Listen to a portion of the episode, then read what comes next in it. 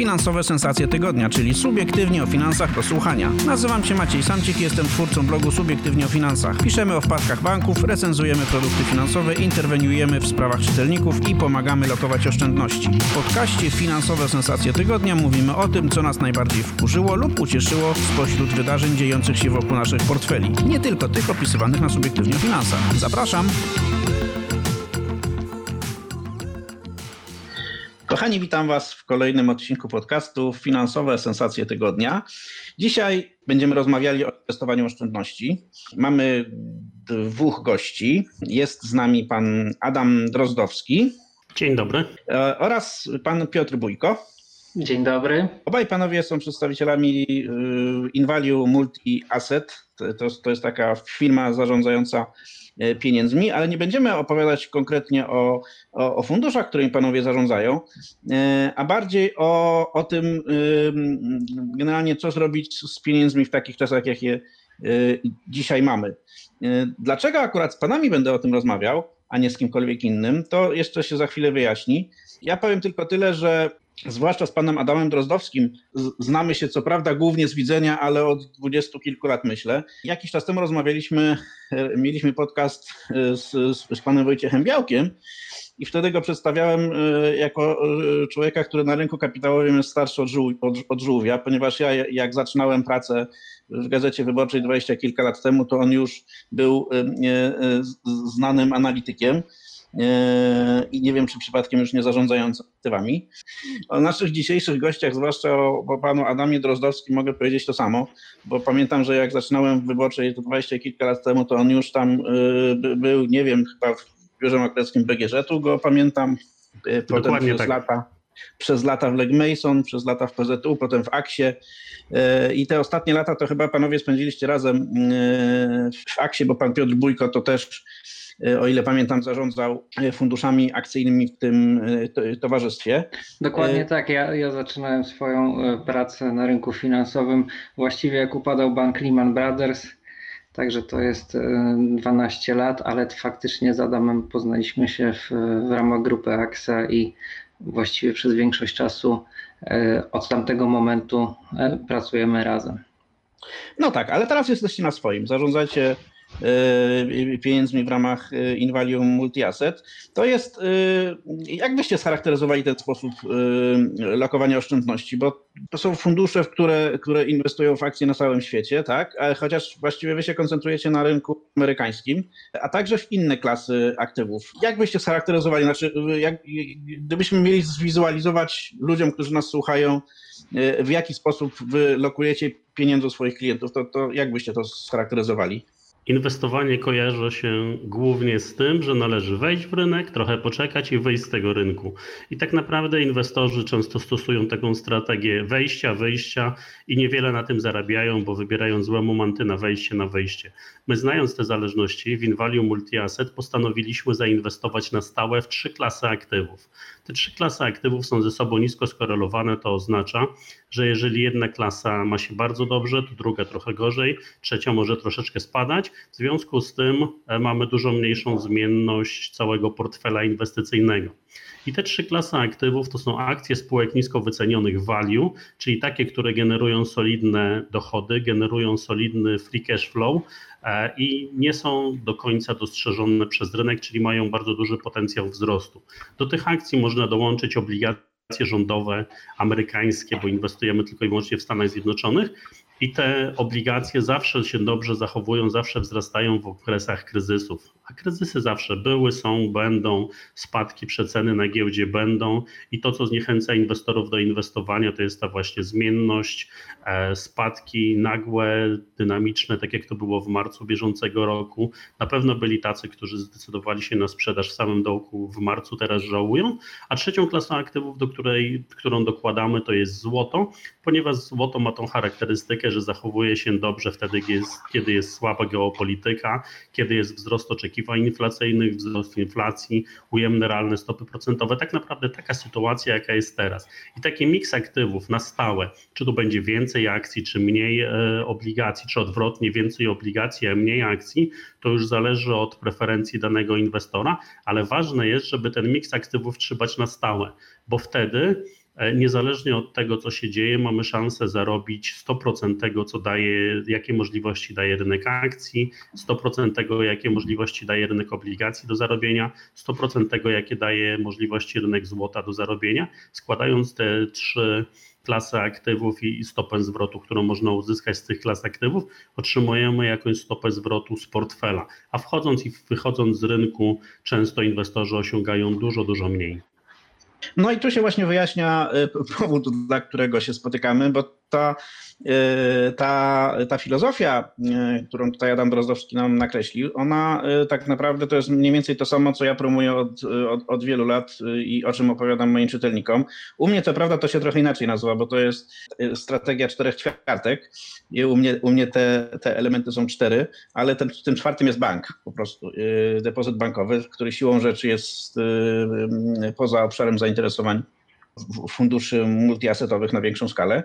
Więc y, krótko mówiąc, rozmawiamy y, y, dzisiaj z Adamem i Piotrem głównie dlatego, że jest między nimi a mną pewna taka nić porozumienia wynikająca z faktu, że bardzo podobnie myślimy o długoterminowym lokowaniu oszczędności i o tym, co powinniśmy z tymi pieniędzmi w długim terminie robić. Ale zanim zaczniemy rozmawiać o tym, czym są akcje, te nisko wyceniane akcje value, czy one rzeczywiście są tak nisko wyceniane i czy kryzys, korona kryzys, który mamy przypadkiem no, nie sprzątnie nam zysków sprzed nosa. Zanim to wszystko nastąpi, porozmawiamy sobie o tym, dla kogo tak naprawdę takie lokowanie oszczędności, czy w ogóle rynku e, akcji, e, dla kogo ono się e, nadaje, a dla kogo nie. No właśnie, dla kogo jest inwestowanie na rynku kapitałowym? Czy to jest coś, co warto polecić właściwie każdemu, kto ma jakieś pieniądze, czy trzeba mieć do tego dużo pieniędzy, czy, czy te pieniądze muszą spełniać jakieś konkretne warunki, na przykład y, być oszczędnościami wyłącznie długoterminowymi. Y, jak wy to widzicie? Znaczy, i lokowanie pieniędzy na rynku kapitałowym to jest dla kogo, a dla kogo nie jest, waszym zdaniem? Tak naprawdę to jest kwestia dwóch elementów. Po pierwsze, mm, alternatyw inwestycyjnych i po drugie akceptacji ryzyka.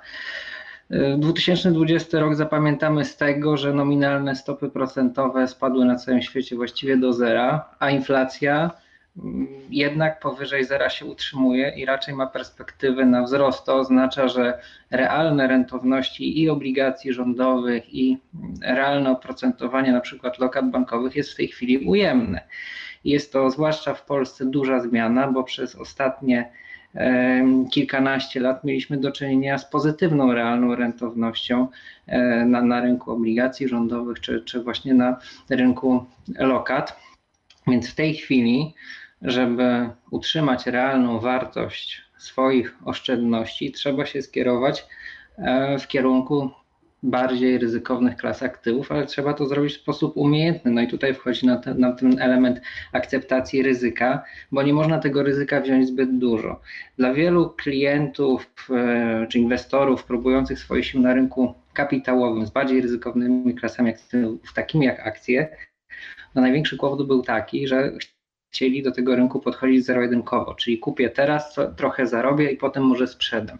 Tylko to jest, niesie takie działania, są tak duży ładunek emocjonalny, tak łatwo jest popełnić błąd, to pokazują długoterminowe statystyki mm, globalnych banków inwestycyjnych, które jednoznacznie wskazują, że inwestorzy, im dłuższy czas inwestycji, to przez to, że próbują rotować między jedną klasą aktywów a drugą, czyli na przykład a tu akcje, a tu obligacje, a tu może gotówka w banku, a tu jakieś inne klasy aktywów, to oni e, ledwo są w stanie swoimi decyzjami inwestycyjnymi mieć stopę zwrotu wyższą niż inflacja. Stąd środowisko coraz bardziej zachęca oszczędzających do tego, żeby szukać alternatyw w bardziej ryzykownych klasach aktywów, no tylko każdy musi mieć świadomość faktycznego ryzyka, jakie jest w stanie podjąć. No i to musi sobie zawsze określić przed inwestycją. W naszej filozofii ważne jest właśnie, żeby znać to akceptowalne ryzyko na samym początku i my uważamy, że dywersyfikacja między różnymi klasami aktywów daje dużo lepsze efekty niż postawienie na tą jedną, jedyną w danym momencie. Dobra, to może porozmawiajmy konkretnie. To znaczy, jeśli mamy taką strategię jak wasza, czyli że y, mamy stały portfel, który się opiera na akcjach amerykańskich, na obligacjach amerykańskich i na złocie, to jaki jest, jaki jest poziom ryzyka takiego portfela, taki, taki powiedzmy przeciętny? Znaczy, ile tu można stracić, ile tu można zarobić? Y, co, co historia na ten temat mówi? Znaczy, gdybym chciał tak zainwestować pieniądze, to, y, to gdzie jest ten, co by to oznaczało dla mnie w przypadku jakiegoś bardzo złego scenariusza, jakiegoś bardzo dobrego? to tak generalnie można by było zobaczyć, jakie są drawdowny. Po polsku to jest uszczuplenie kapitału, czyli spadek od maksymalnego poziomu do minimalnego w danym ruchu e, w tych trzech klasach aktywów. I na akcjach można stracić 50, nawet więcej procent. Takie spadki zdarzały się w roku 2000, w 2008, w latach 30. XX wieku akcje nawet spadły o 80%. Na obligacjach rządowych amerykańskich straci się do 10%, to znaczy, że wzrasta rentowność e, obligacji, spada jej cena. Natomiast na złocie mamy okresy bardzo długiego drawdownu, obsunięcia kapitału sięgającego do 70%.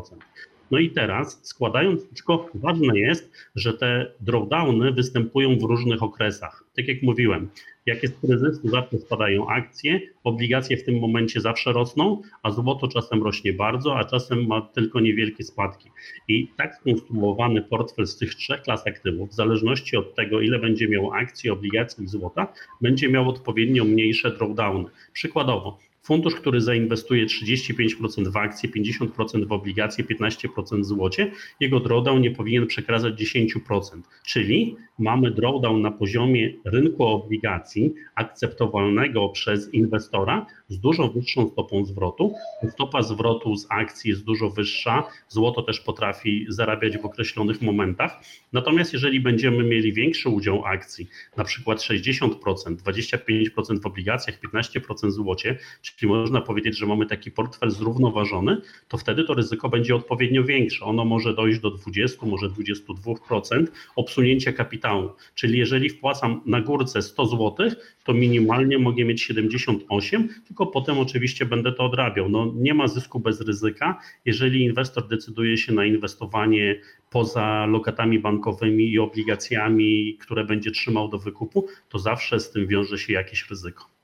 Okej, okay, ale rozumiem, że dzięki temu, że jedziemy y, jednocześnie na trzech koniach i, i, w, i w momencie jak jeden koń jedzie wolniej, to drugi jedzie szybciej, to jesteśmy w stanie, y, mimo że wychodzimy na rynek kapitałowy, że bierzemy na siebie ryzyko, no bo inaczej nie jesteśmy w stanie dzisiaj pokonać inflacji, to to ryzyko bierzemy y, umiarkowane dzięki temu, że mamy ten miks aktywów. Tak? Jeśli dobrze zrozumiałem, to jest tak, że w najgorszym możliwym scenariuszu jesteśmy w stanie w skali roku stracić 10%, natomiast y, kapitału, natomiast y, oczywiście perspektywy, perspektywy zarobku są, no nie chcę powiedzieć, że czy większe, czy mniejsze, tak, bo tutaj się no, nie, nie chcemy robić żadnych obietnic nikomu. Co prawda historia ostatnich 200 lat na rynku kapitałowym jednak dowodzi, że w długiej perspektywie te rynki kapitałowe no, niemalże w sposób gwarantowany rosną, tak, no ale, ale nigdy nie wiemy, czy ta historia się powtórzy w przyszłości. Natomiast to, to, to, to co chciałbym, żebyśmy wszyscy, żebyście wszyscy Państwo, którzy nas słuchacie, zapamiętali z tej części rozmowy, to jest to, jest to że owszem, no dzisiaj, żeby pokonać inflację, trzeba wziąć na siebie pewne ryzyko, natomiast dobrze składając swój portfel inwestycyjny, e, właśnie w taki sposób, o którym dzisiaj rozmawiamy, jesteśmy w stanie to ryzyko zmniejszyć. Jeżeli chodzi o takie podejście najbardziej zachowawcze, to właśnie według naszych badań wynika, że no, musimy się liczyć z jakimś z ryzykiem właśnie 10% spadku w jakimś momencie inwestycji. W momencie, kiedy właśnie opieramy się na takiej strukturze trzech klas aktywów, ale też nawiązując do Twojej mm, metody czterech ćwiartek, no to jeżeli to by były trzy ćwiartki, a czwartka ćwiartka by była właśnie ta bankowa, na lokatach czy gotówkowa, no to wtedy ryzyko całości się oczywiście obniża. Natomiast faktycznie warto sobie zdawać sprawę z tego, że inwestując w płynne klasy aktywów, to też jest ważne, płynne to znaczy, że je można sprzedać właściwie każdego dnia w racjonalnej strukturze inwestycyjnej, nawet zachowawczej, no musimy się liczyć z przejściowym ryzykiem rzędu 10%. No tak, ja powiem szczerze, że jak był ten teraz ta wiosenna katastrofa na rynkach kapitałowych i indeksy akcji spadały w pewnym momencie nawet o 40%, to ja sobie zerknąłem, jak wygląda mój portfel, taki ten, te cztery ćwiartki. Ja tam miałem stratę rzędu 3-3,5% na całym tym portfelu, co oczywiście nie wynikało wyłącznie z tego, jak on jest skonstruowany, czyli z tych czterech ćwiartek, ale też z faktu, że tam jest trochę i inwestycji w różnych walutach, czyli to, co, e, czyli ja to, to trochę też zarabiałem na tym, że wartość złotego w stosunku do walut obcych się e, osłabiała. To jest też, też dowód na to, że można e, być na rynku kapitałowym i jednocześnie spać spokojnie. Chciałbym, panowie, żebyśmy teraz porozmawiali o tych akcjach, bo wy macie w tej części akcyjnej takie dość nietypowe jak na Polskę podejście, bo nie inwestujecie w to wszystko, w co, w co, inwestują wszyscy inni, czyli te wszystkie Amazony, w te wszystkie Netflixy, w te wszystkie Facebooki, Google, te wszystkie najfajniejsze marki, to wy temu mówicie, a, to nie, to, no, to nam się niespecjalnie podoba. I y, ba, bardzo będę się chciał dowiedzieć y, o tym, o, y, zapytać was o to, dlaczego tak uważacie? I w co w takim razie inwestujecie? E, pieniądze swoich klientów. No właśnie, wasza filozofia inwestowania nie polega na, inwest na, na lokowaniu pieniędzy we wszystkim porówno i nie polega też na inwestowaniu y, pieniędzy w to, co najszybciej rośnie. E, czyli no właśnie z punktu widzenia kogoś, kto nie jest wyjadaczem, kto, kto jest takim, no powiedzmy, E, inwestorem półamatorem, to zachowujecie się co najmniej dziwnie, bo jeśli dzisiaj najszybciej rośnie Amazon, Facebook i Google i Netflix i, i, i firmy tego typu, to wy mm, jesteście co do tego mm, sceptyczni, wy lokujecie pieniądze w innego rodzaju firmy, w tak zwane firmy, w spółki y, o charakterystyce tak zwanej value. Na czym to polega i dlaczego akurat ten, dlaczego odrzucacie z definicji inwestowanie w coś, co no, w danym momencie najszybciej rośnie? Generalnie na rynku, tak jak zauważyłeś, można wyróżnić dwie kategorie firm. Firmy growth, które najszybciej rosną, których sprzedaż najszybciej rośnie, zyski najszybciej rosną, kursy akcji rosną najszybciej i spółki value, które są najniżej wyceniane.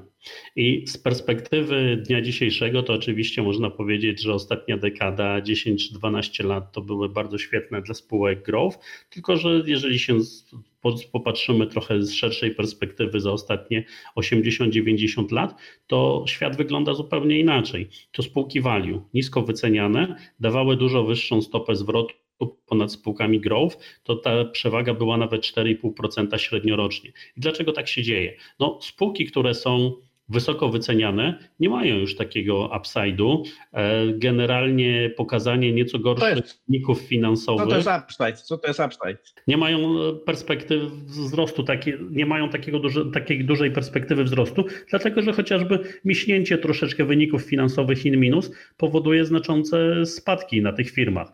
Natomiast miśnięcie wyników, pokazanie nieco gorszych wyników od oczekiwań na spółkach, które są nisko wycenione, e, nie musi powodować spadków. W związku z tym e, tutaj nie mamy do czynienia z tak gwałtownymi przecenami. I oczywiście patrząc z perspektywy dzisiejszego inwestora na ostatnią dekadę, można powiedzieć, że świat jest inny, świat wygląda inaczej, tylko wielokrotnie była mowa o tym samym. Pod koniec lat 90., pod koniec XX wieku, w szczycie bańki internetowej, przecież wszyscy się zastanawiali, czy świat się zmienił, już tylko spółki internetowe rosną, już nie ma starej ekonomii. Potem przyszło otrzeźwienie i kolejne 10 lat było fenomenalne do spółek nisko wycenianych. W związku z tym, znając te zależności i patrząc na to, jak zachowują się rynki kapitałowe, giełdy w długim okresie, świadomie wybraliśmy spółki nisko wycenione value nawet z perspektywy takiej, że będą okresy underperformance'u, czyli gorszego zachowania się tych firm, ale w dłuższym okresie one zachowują się zdecydowanie lepiej, mają też e, mniejszy potencjał na ewentualne spadki. W związku z tym jest to świadoma decyzja wyboru takiej, a nie innej strategii, a dodatkowo warto robić coś inaczej, robić dobrze na rynku kapitałowym i, i myślę, że to w niedalekiej przyszłości może być docenione. Dobrze, wyjaśnijcie mi panowie jedną rzecz. E, jeśli coś jest na rynku kapitałowym nisko wyceniane, to bardzo często jest tak, że jest nisko wyceniane ze względu na niespecjalnie dobre perspektywy. No bo rynek, jak wiadomo, wycenia przyszłość. Tak? Jeśli e, coś jest bardzo drogie, to znaczy, że inwestorzy wliczają w cenę tego czegoś, tej akcji tej spółki, zyski, które ta spółka będzie, coraz wyższe zyski, które ta spółka będzie osiągać ich zdaniem przez najbliższych tam 5 czy 10 lat. A jeśli coś jest nisko wyceniane, to znaczy, że inwestorzy uważają, iż przez najbliższych 5-10 lat to coś będzie, no nie będzie w stanie jakoś szybko rosnąć. Czy ja się mylę w tym y, odczytaniu niskich, wysokich wycen, czy też, y, y, czy też to rzeczywiście tak wygląda i nie macie z tym żadnego problemu, inwestując w tego rodzaju właśnie spółki? Jest dużo prawdy w tym, co mówisz, ale też jest druga strona medalu. Po pierwsze, to jest kwestia tego, na które parametry patrzymy. Po drugie, jest kwestia tego, że dla jednej specyficznej spółki może być dokładnie tak, jak mówisz, że ona jest tania z jakiegoś powodu, ale to też jest. My przynajmniej sobie zdefiniowaliśmy jakiś set e, parametrów, dzięki których jesteśmy w stanie ocenić, czy ta spółka ma problemy, czy nie. I mm, jeżeli zbudujemy koszyk według danego parametru spółek, no to prawdopodobieństwo naszego sukcesu jest dużo, dużo większe. Czyli znowu to jest kwestia dywersyfikacji, czyli no nie kilka spółek, yy, tylko trochę więcej w portfelu i według jasnych kryteriów, które mają sens. I jeżeli chodzi o spółki wartościowe, no to oczywiście mm, znajdą się wśród nich takie, które mają rzeczywiście problemy i, i lepiej ich nie mieć w swoim portfelu. Natomiast y, będzie też grono takich, które są po prostu tanie, nisko wyceniane, zarabiają pieniądze, ich zyski są nisko wyceniane i szansa pozytywnej stopy zwrotu na tego typu spółkach jest oczywiście większa. I tutaj nam, tak jak i każdemu inwestorowi, zawsze pomoże pewna parametryzacja całego procesu inwestycyjnego. Dlaczego my coś robimy, dlaczego my kupujemy daną klasę aktywów, dlaczego my kupujemy dane akcje, w jakim procencie, na jak długo, co my chcemy osiągnąć. Jeżeli znamy odpowiedzi na te pytania, to cały proces inwestycyjny na każdym poziomie jest przejrzysty i znowu wtedy dużo, mm, dużo trudniej jest popełniać błędy, które wynikają z emocji. Jeżeli chodzi o to, że spółki właśnie dynamiczne, dynamicznie rosnące na przychodach i na zyskach są doceniane przez rynek, to też jest zjawisko cykliczne. Doświadczyliśmy tego przez ostatnie kilkanaście lat, zwłaszcza z tego powodu, że mieliśmy za sobą okres niskiej inflacji, malejących stóp procentowych i niskiego wzrostu gospodarczego. I to też wpłynęło na to, że firmy, które pokazywały jakikolwiek wysoki wzrost swojego biznesu, dostawały bardzo dużą premię do swojej wyceny. Natomiast e, przez to powstał, mm, powstał największy od 80 lat dysonans między właśnie spółkami nastawionymi na wzrost biznesu, a spółkami, które zarabiają pieniądze, ale ich wzrost przychodów nie jest tak wysoki i, i wskaźniki ich wyceny są, są w tej chwili bardzo niskie i ta dysproporcja między jedną a drugą grupą spółek no jest największa od 80 lat. Także to jest bardzo, bardzo długa perspektywa. Okej, okay, to ja jeszcze, y, jeszcze tylko jedną rzecz dopowiem. Znaczy, bo wydaje mi się, że zaczynam rozumieć ten wasz, wasze podejście do, do spółek, tylko jeszcze się upewnię, czy, czy, czy dobrze rozumiem i, i, czy dobrze wszyscy się rozumiemy. Czyli wy uważacie, lepiej postawić na spółki, które może nie tak szybko rosną, y, może nie są aż tak bardzo w modzie, może y, nie mają tak, nie dają takich fajerwerków, ale są przez to, że ich wycena jest umiarkowana i nie są powiedzmy tak bardzo w modzie, a zarabiają pieniądze i wypłacają dywidendy, mogą być znacznie bezpiecznym długoterminowo sposobem inwestowania. Dobrze rozumiem tę waszą filozofię? To jest dokładnie nasza filozofia, to jest nasze inwestycyjne DNA. To nie jest e, jedyne e, właściwe podejście na rynku, bo e, podejście inwestowania w te firmy wzrostowe, innowacyjne też może być dla kogoś dobre i też może przynosić dobre wyniki. Natomiast to, co jest ważne, to żeby wiedzieć, co się robi, dlaczego to się robi i być konsekwentnym we wdrożeniu tej strategii. My właśnie się skupiamy na takim podejściu, o którym mówisz. E, bardzo lubimy patrzeć na parametry e, parametryzacja y, różnych elementów y, działania to jest to, co, co bardzo nam usprawnia codzienną pracę i co nam pozwala, wydaje nam się, lepiej zrozumieć y, ten skomplikowany rynek finansowy, który nas otacza. A z czego wynika to, że jest największa od 80 lat różnica między wyceną tych spółek value i spółek growth, czyli tych modnych, szybko rosnących. Dlaczego cały świat inwestycyjny aż tak bardzo zróżnicował ich? Jedne są tak bardzo, powiedzmy, no, docenione, a drugie są tak bardzo niedocenione. Z czego to wynika? No po fakcie to możemy szukać e, wielu przyczyn i analogii. My staramy się takich doszukać. No i widzimy te kwestie, o których już, już wspominaliśmy przez ostatnie 12 e, lat od kryzysu lat 2007-2009 no mieliśmy do czynienia z niskim wzrostem gospodarczym na świecie, presją na spadek stóp procentowych i, i niskimi oczekiwaniami inflacyjnymi. Dlatego te e, spółki, które obiecywały najdynamiczniejszy wzrost biznesu, nawet jeżeli nie, nie szły za tym jeszcze zyski, no były nad wyraz doceniane e, przez rynek. Podobna tego typu sytuacja była w latach 30. XX e, wieku po wielkim kryzysie. No i, i, i ta tendencja wtedy się skończyła w latach 40., kiedy, e, kiedy na rynku pojawiła się inflacja. I, I to, co być może przed nami też po 2020 roku, to ze względu na fakt, że mamy do czynienia z niewidzianą od kilkudziesięciu lat skalą wydatków rządowych bezpośrednio w gospodarkę na całym świecie, no to w momencie, kiedy gospodarka światowa trochę się odbuduje po, po recesji związanej z pandemią, to my też możemy zobaczyć e, wzrost inflacji, a do tej inflacji w skali świata, mm, od tej inflacji się trochę odzwyczailiśmy w ostatnich latach. No właśnie, to teraz sobie chwilkę porozmawiajmy o tym, e, jak walka z kryzysem po pandemii, jak ten gigantyczny dodruk pieniądza e, może wpłynąć na wyniki naszych inwestycji. No właśnie, mamy y, y, pandemię, która być może zbliża się powoli ku końcowi, ale pewnie jeszcze potrwa przyszły rok. Mamy gigantyczny, bezprecedensowy dodruk pieniądza. Dzisiaj ten kryzys jest przykrywany tak naprawdę wielkimi, y, wielkim dodrukiem pieniądza. Mamy obawę o inflację.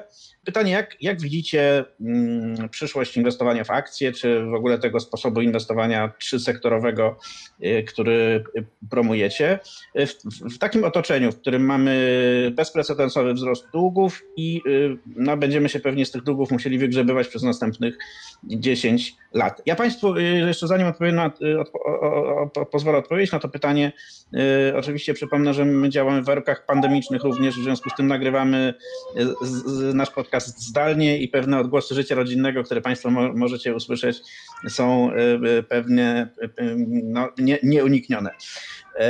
No dobrze, to jak to jest z, tymi, z tym kryzysem? Czy to, to, się nam to się źle skończy dla gospodarki i dla inwestowania na rynku kapitałowym, czy wręcz przeciwnie, może być to dobra wiadomość z punktu widzenia kogoś, kto inwestuje długoterminowo pieniądze?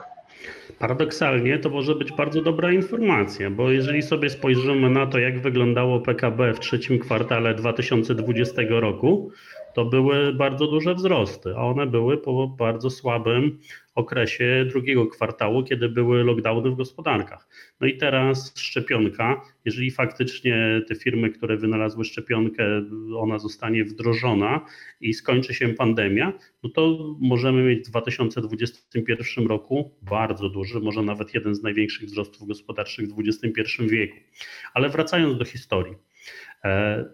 Żeby walczyć z pandemią, na samym początku, po dwóch tygodniach, e, Amerykanie, kongres e, razem z Fedem postanowili, że będą wpompowywali gigantyczne pieniądze do gospodarki. Do tego dołączyły się inne kraje w zasadzie na całym świecie.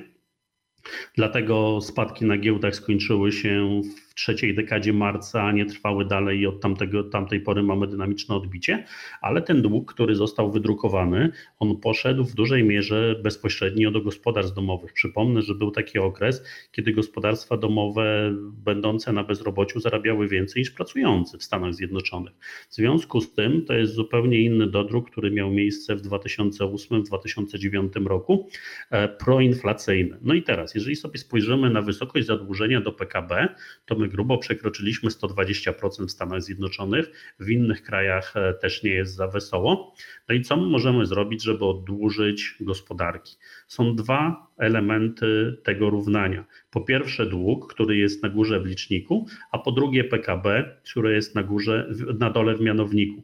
No i żeby ten dług nie rósł, to powinny być trzymane niskie stopy procentowe. To, co się dzieje teraz, kiedy mamy werbalną politykę trzymania stóp procentowych na niskim poziomie, zarówno w Unii Europejskiej, w Polsce, w Stanach Zjednoczonych, z drugiej strony pobudzanie wzrostu gospodarczego, czyli e, taka sytuacja już miała miejsce. Taka sytuacja miała miejsce w latach 40. XX wieku w czasie i po II wojnie światowej i wtedy dług do PKB w Stanach Zjednoczonych spadł najpierw ze 120 do 60% PKB, potem nawet do 30%, czyli monetyzacja długu. Trzymanie stóp procentowych na bardzo niskim poziomie, pozwolenie wzrosnąć inflacji i to Fed już oficjalnie mówi ponieważ inflacja za ostatnie 10 lat była na niskim poziomie, to teraz przekroczenie tego poziomu 2%, który jest wyznaczony, nie, skut- nie będzie skutkowało wzrostem stóp procentowych, tylko będzie e, pozwolenie na to, aby liczyć inflację w średnim okresie. Inflacja w naszej ocenie może dojść nawet do poziomu między 5 a 10%. Z taką inflacją mieliśmy do czynienia e, w przeszłości. Jeżeli sobie spojrzymy na to, jak wyglądał XX wiek, w zasadzie 80 ostatnich, 90 ostatnich lat, to e, mieliśmy 35 lat z inflacją powyżej 3,3%. W takiej inflacji 3,3%, ona wtedy średnio wynosiła w okolicach 5%, bo zaczynała się od 3,3, sięgała do 10%. Spółki nisko wycenione value wzrastały między 22 a 27% w zależności czy weźmiemy średnio, czy weźmiemy medianę czyli inflacja 5%, spółki, w które inwestujemy value, 20 kilka procent wzrostu. W tym samym okresie spółki growth wzrastały tylko 8 do 10%. No i dlaczego tak się dzieje, że w okresie inflacji te spółki wzrostowe e, zachowują się zdecydowanie gorzej? Stąd, że dolar zarobiony dzisiaj w okresie bezinflacyjnym, dolar zarobiony za 10 lat w okresie bezinflacyjnym ma prawie taką samą wartość jak dzisiaj, ale w okresie wysokiej inflacji ten dolar za 10 lat ma dużo mniejszą wartość od dolara, który jest zarobiony dzisiaj. No a spółki, które twardo stąpają po ziemi, które generują bardzo duże nadwyżki cashflowowe, mają, mające niską wycenę, mają dużo większy potencjał wzrostu w takiej sytuacji. W związku z tym na rynku akcji może to być bardzo dobra dekada dla inwestowania, może nawet nieco inna od tego, jak wyglądało ostatnie 10 lat, ponieważ tutaj spółki wzrostowe dominowały. Być może teraz w tej bieżącej dekadzie spółki wartościowe będą dominowały, no ale z drugiej strony należy też spojrzeć na alternatywy. Jakie mamy alternatywy do inwestowania na rynku akcji? Są oczywiście surowce. Surowce jako zapomniana klasa aktywów, które bardzo słabo zachowywały się przez ostatnią dekadę. E, złoto trochę odbiło, ale są takie surowce, które w dalszym ciągu w miarę szorują po dnie i to w momencie ożywienia gospodarczego może, mogą się zachowywać bardzo dobrze, ale z drugiej strony mamy obligacje, mamy lokaty bankowe, które pewnie nie dadzą satysfakcjonującej stopy zwrotu e, przez najbliższe lata, przez najbliższą dekadę. W związku z tym nie ma odwrotu od inwestowania trochę bardziej ryzykownego, e, czyli inwestorzy, którzy dotychczas inwestowali głównie na lokacie bankowej, powinni skłaniać się do bardziej ryzykownych klas aktywów, ale nie powinni całości inwestować, całości inwestować tylko na rynku akcji. Duża część tej, tego toku myślenia który tutaj Adamie zaproponowałeś, e, wynika z takiego założenia, że ten kryzys będzie e, inny niż, czy inaczej, efekty tego kryzysu będą inne niż tego sprzed 10 lat. Wtedy też był ogromny dodruk pieniądza, nie tak duży jak dziś, ale on się nie skończył wysoką inflacją. Tym razem e, dodruk pieniądza, jak się spodziewacie, będzie się wiązał z wysoką i dość długoterminową inflacją. Dlaczego tym razem miałoby być inaczej niż było 10 lat temu? Dlatego, że dodruk pieniądza rozpoczęty w 2009 roku był skierowany przede wszystkim do systemu bankowego, systemu finansowego i on miał przede wszystkim na celu ustabilizowanie no właśnie systemu bankowego i to się udało. Natomiast to, co zawiodło, to że system bankowy nie był e, takim pasem transmisyjnym tych pieniędzy dalej do, bezpośrednio do realnej gospodarki. Też ze względu na wzrost regulacji w sektorze bankowym globalnie, banki po prostu stały się mniej chętne do udzielania nowych kredytów, dlatego te pieniądze nie poszły bezpośrednio do, do realnej gospodarki i nie miały takiego wpływu proinflacyjnego. Dlatego my zwracamy uwagę na to, że to, co się dzieje mm, w tym roku jest zupełnie odmienne, bo polityka banków centralnych skoncentrowana tylko na polityce pieniężnej pewnie mm, osiągnęła swoje limity, no bo stopy procentowe są blisko zera i dalsze działania skuteczne na tym poziomie są bardzo ograniczone. Stąd bardzo istotna jest tutaj kwestia udziału rządów w zwiększeniu wydatków E, rządowych w okresie kryzysu, żeby gospodarkę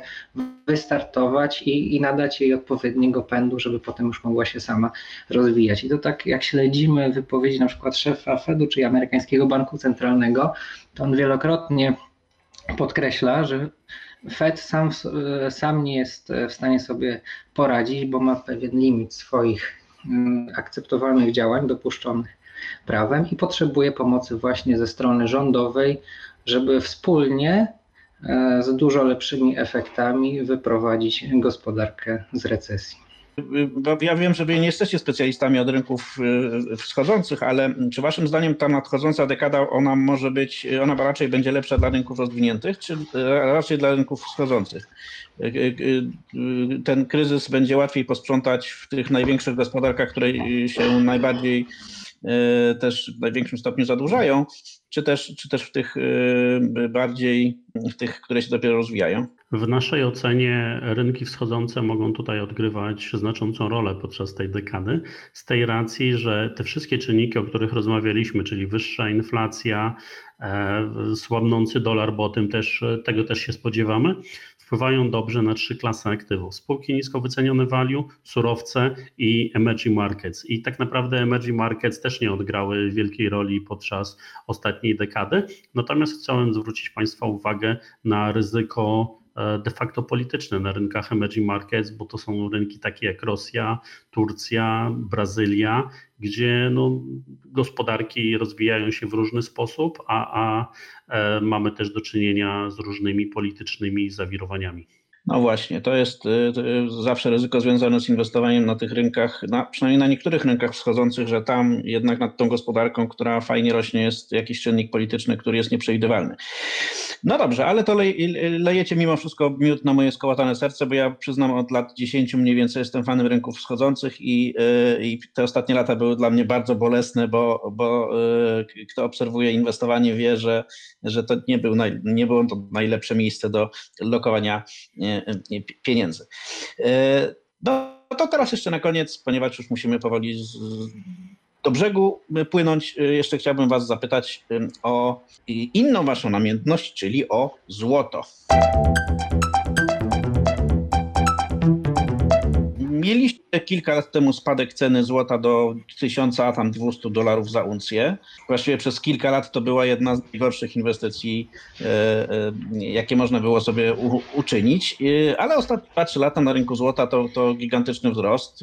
No może nie gigantyczny, może przesadziłem, ale do, no, do 2000 dolarów za uncję zostało przebite, a teraz mamy taką zadyszkę. Niektórzy mówią, że przejściową, niektórzy mówią, że że rzeczywiście to złoto jest już zbyt drogie, no bo złoto to jest coś, co ma trzymać wartość pieniądza, mm, e, e, trzymać realną wartość pieniądza, czyli po prostu e, uwzględniać inflację, a ten wzrost w ostatnich nawet kilkudziesięciu latach jednak był większy niż, niż wzrost inflacyjny, czyli no, zdaniem tych ludzi to złoto jest po prostu dzisiaj realnie za drogie. Co wy myślicie na temat wyceny złota? Czy, czy dzisiaj to jest, czy ono rzeczywiście jest dzisiaj za drogie, czy też nawet przy tej cenie tam zahaczającej, czy, będącej w pobliżu 2000 dolarów za uncję w perspektywie lat 10 czy 15, czy 20, no to jest coś, co trzeba brać pod uwagę w inwestowaniu.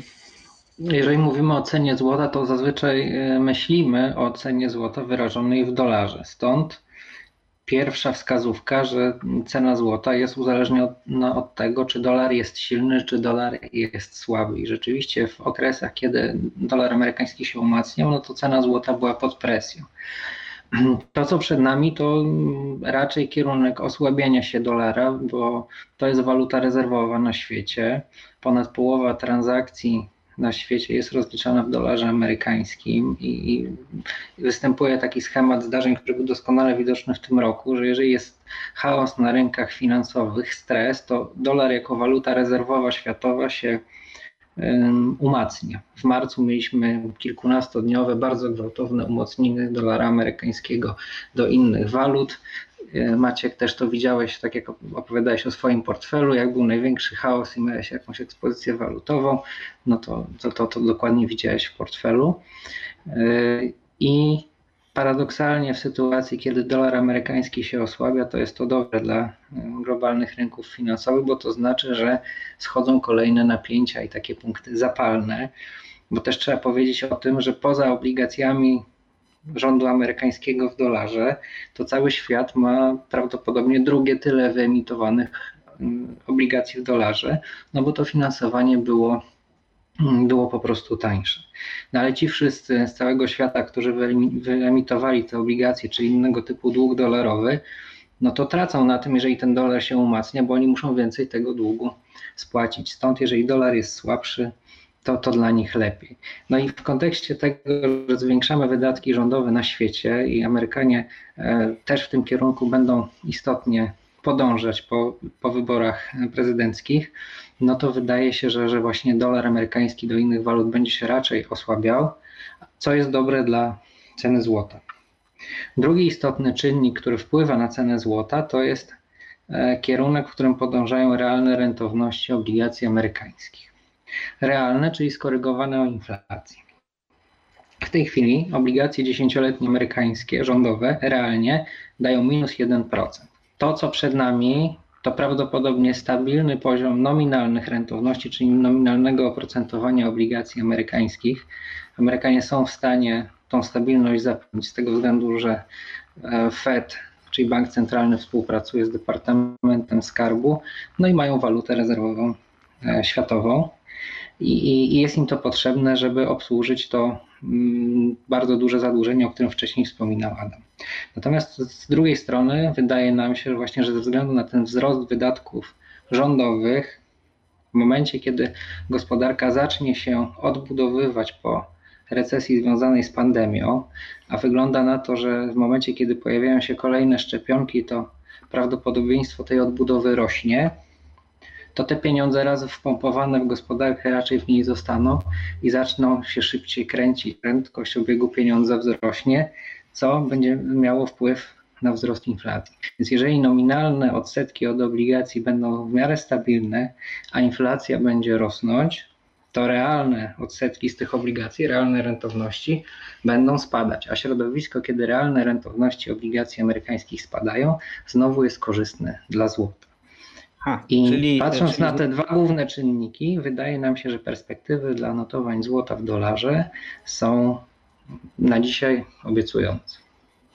E, no, no to, to czyli wychodziłoby na to, że mimo wszystko, mimo tego, że to złoto jest, wydaje się dość drogie, to może być też dobry pomysł na takie długoterminowe ulokowanie części oszczędności. A jeszcze ostatnie pytanie Wam zadam, bo teraz zaczęliśmy rozmawiać o dolarze e, amerykańskim. Gdybyście mieli mm, wybrać czy kawałek swoich oszczędności położyć w, w dolara amerykańskiego, w euro, e, czy powiedzmy franka szwajcarskiego, czy, czy jakiegoś jena japońskiego, takie typowo, e, ty, ty, typowo bezpieczne waluty, spokojne przystanie, to którą z tych trzech opcji byście wymienili?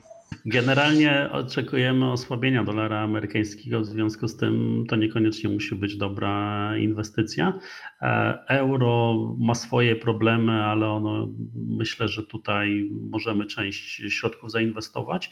Natomiast frank szwajcarski, no to jest taka solidna waluta, tylko że ona jest bardziej na okres kryzysowy, a raczej takiego okresu nie przewidujemy przez najbliższy okres. W związku z tym to też jeszcze kwestia, czy trzymamy tą walutę, czy inwestujemy w aktywa wycenione w tej walucie, no bo tutaj to są zupełnie inne elementy. Jeżeli inwestujemy w spółki value na rynku amerykańskim i nie zabezpieczamy tej pozycji, to podejrzewam, że stopa zwrotu będzie solidna.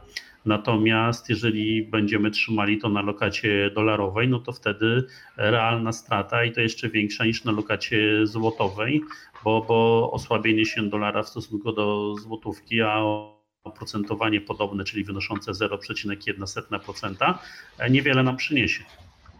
No bardzo jest to wszystko ciekawe, co, co mówicie panowie, ale niestety już nie mamy czasu, więc pewnie musimy dzisiaj kończyć. Chciałem wam bardzo podziękować za te wszystkie rady, yy, i, które mam, mam nadzieję nasi słuchacze wezmą sobie do serca yy, przy konstruowaniu własnych portfeli. No, jedna taka najważniejsza chyba jest Y, jest do zapisania i to wężykiem. Jeśli chcecie uchronić realną wartość pieniądza przed, y, czy wartość swojego, swoich oszczędności przed, przed erozją, przed inflacją, to nie ma innego wyjścia, jak jednak zaprzyjaźnić się trochę z rynkiem kapitałowym. Mam nadzieję, że dzięki wizycie w naszym podcaście tak znamienitych gości ten rynek kapitałowy będzie y, mniej strasznie wyglądał niż dla wielu naszych słuchaczy dziś to może wyglądać. Bardzo Wam jeszcze raz dziękuję. Dziękuję Ci Adamie, y, y, dziękuję Ci Piotrze. Y, no i do zobaczenia. Mam nadzieję, że nasze inwestycyjne szlaki się jeszcze przetną. Bardzo dziękujemy. Dziękuję serdecznie, do usłyszenia, do zobaczenia. Dzięki, a ja zapraszam na kolejny odcinek podcastu, jak zwykle w środę za tydzień. Inne odcinki tego podcastu znajdziesz na stronie Subiektywnie o Finansach www.subiektywnieofinansach.pl. Zapraszam!